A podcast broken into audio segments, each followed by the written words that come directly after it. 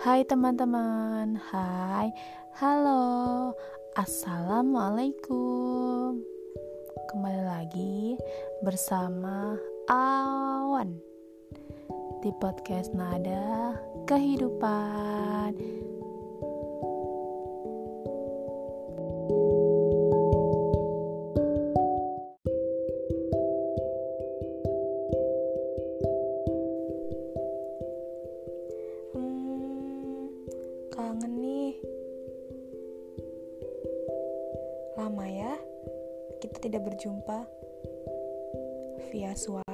Maksud saya.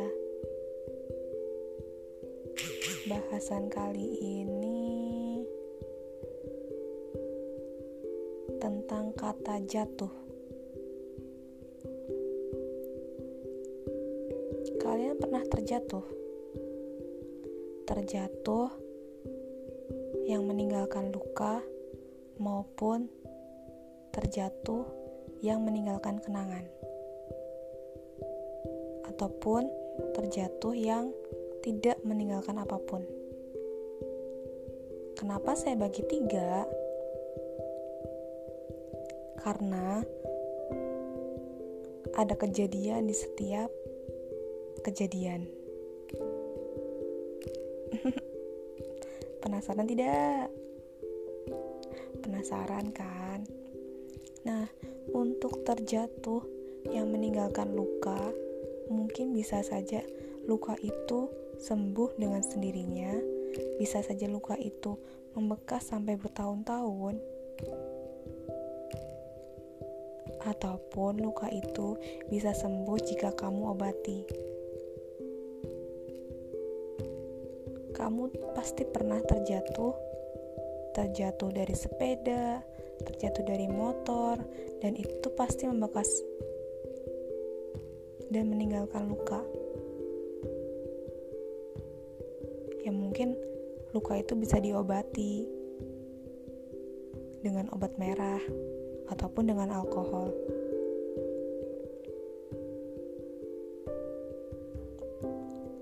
Tetapi luka seperti itu sakitnya bukan main kan?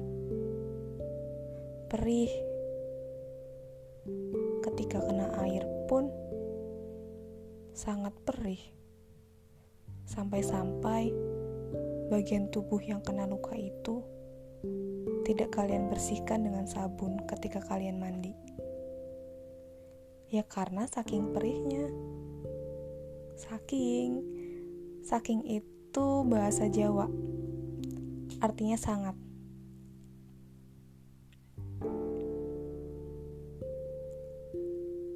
Nah, manusia pasti memiliki luka. Akibat dia pernah terjatuh.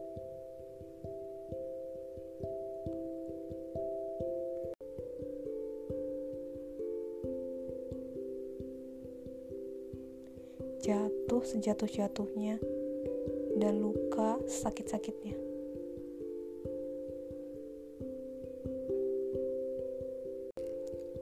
Jatuh cinta. Iya. Itu. Dua kata fenomenal yang nantinya pasti akan dirasakan oleh setiap manusia jatuh cinta memang bahagia sangat bahagia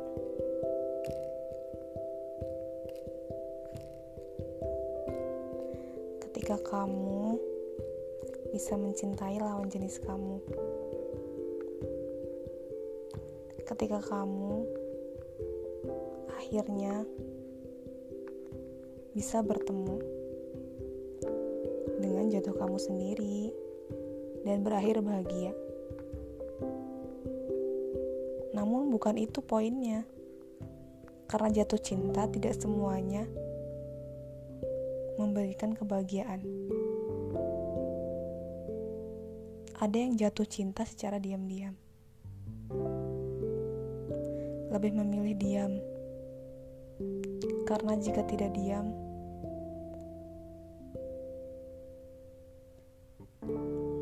akan ada penyesalan. Entah itu penyesalan keretakan hubungan, entah itu penyesalan yang nantinya menyedihkan. Iya, jatuh memang sakit. Lebih sakit lagi ketika tidak ada obatnya.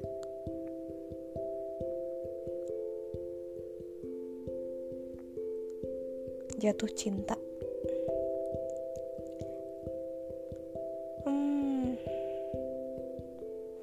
Bagaimana ya? Rumit kalau kita bahas mengenai jatuh cinta. Karena seperti yang sudah saya bilang, jatuh cinta itu kadang muncul tiba-tiba.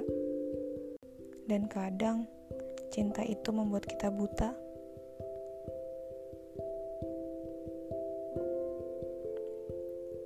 Buta akan segala hal dan mengorbankan segalanya demi orang yang kamu cintai. Dalam pertemanan yang salah juga itu merupakan pengalaman paling buruk. ketika kamu salah dalam memilih circle pertemanan. Karena kita tidak tahu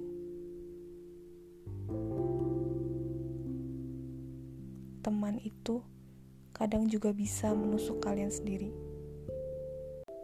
Kamu akan merasakan merasakan penyesalan.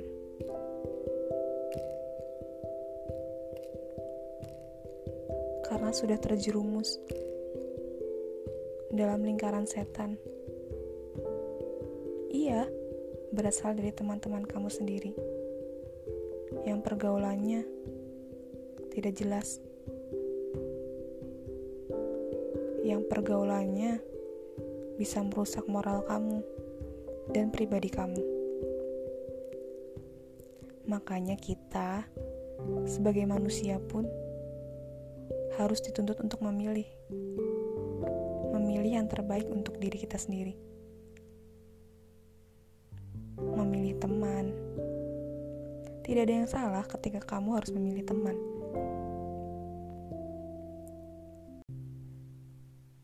Zaman sekarang semakin ngeri. Apabila kalian salah terjerumus dalam jatuh dalam kenangan.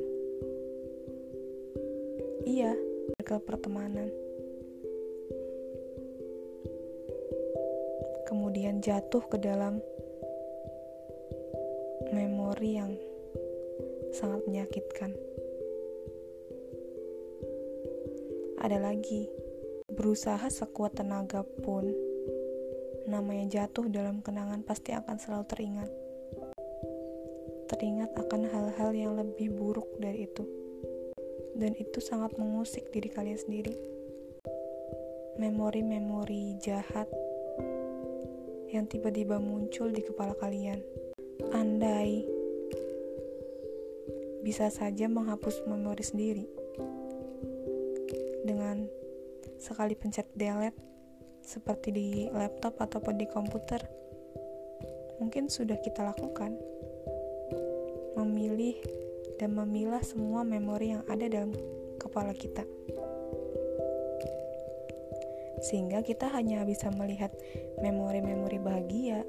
Andai bisa seperti itu, tapi nyatanya tidak bisa.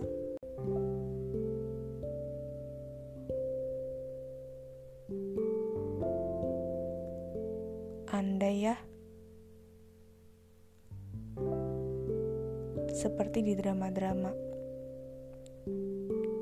kita disajikan oleh monitor yang menampilkan isi kepala kita, yang menampilkan memori-memori yang kita kubur, dan memori-memori yang memang kita ingat, ataupun memori-memori yang berada dalam alam bawah sadar kita. Dan di situ kita bisa melihat semuanya. Kita bisa memilah file-file mana yang akan kita pertahankan, yang akan kita hapus, yang akan kita arsipkan.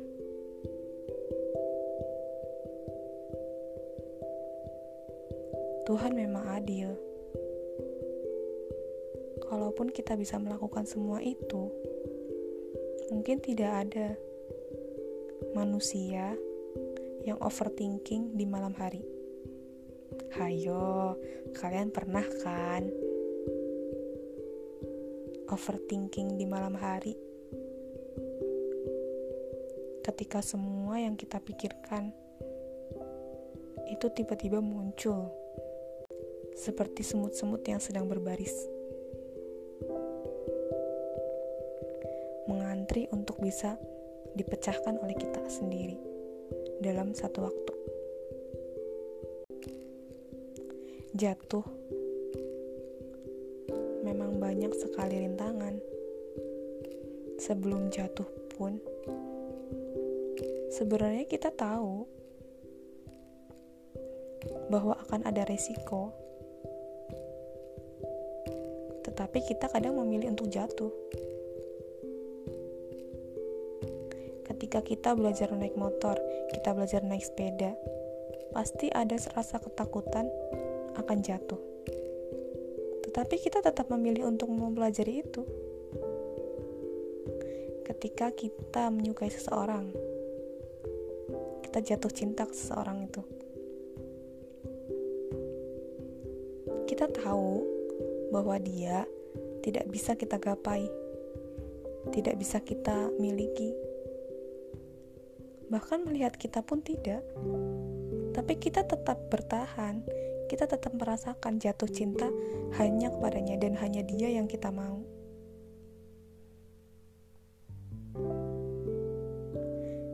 Jatuh ke dalam kenangan.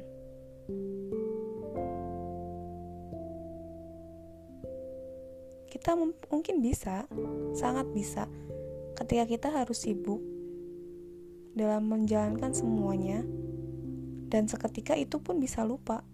Kita tidak bisa lang kita tidak harus terus-terusan jatuh ke dalam kenangan tersebut. Tapi kita tetap tetap memilih untuk jatuh. Ya karena semua adalah pilihan kalian. Saya pun tidak bisa mengatur pilihan kalian karena hanya kalian yang tahu. Jadi jatuh seperti apa yang membuat kalian tidak bahagia ataupun membuat kalian bisa bahagia. Entah, saya juga tidak tahu karena diri kalian yang tahu. Kalau saya lebih memilih jatuh dalam diri saya sendiri, mengikuti kata hati saya sendiri dan memahami isi kepala saya sendiri. Terima kasih telah mendengarkan sedikit cerita dari awan. Bye bye.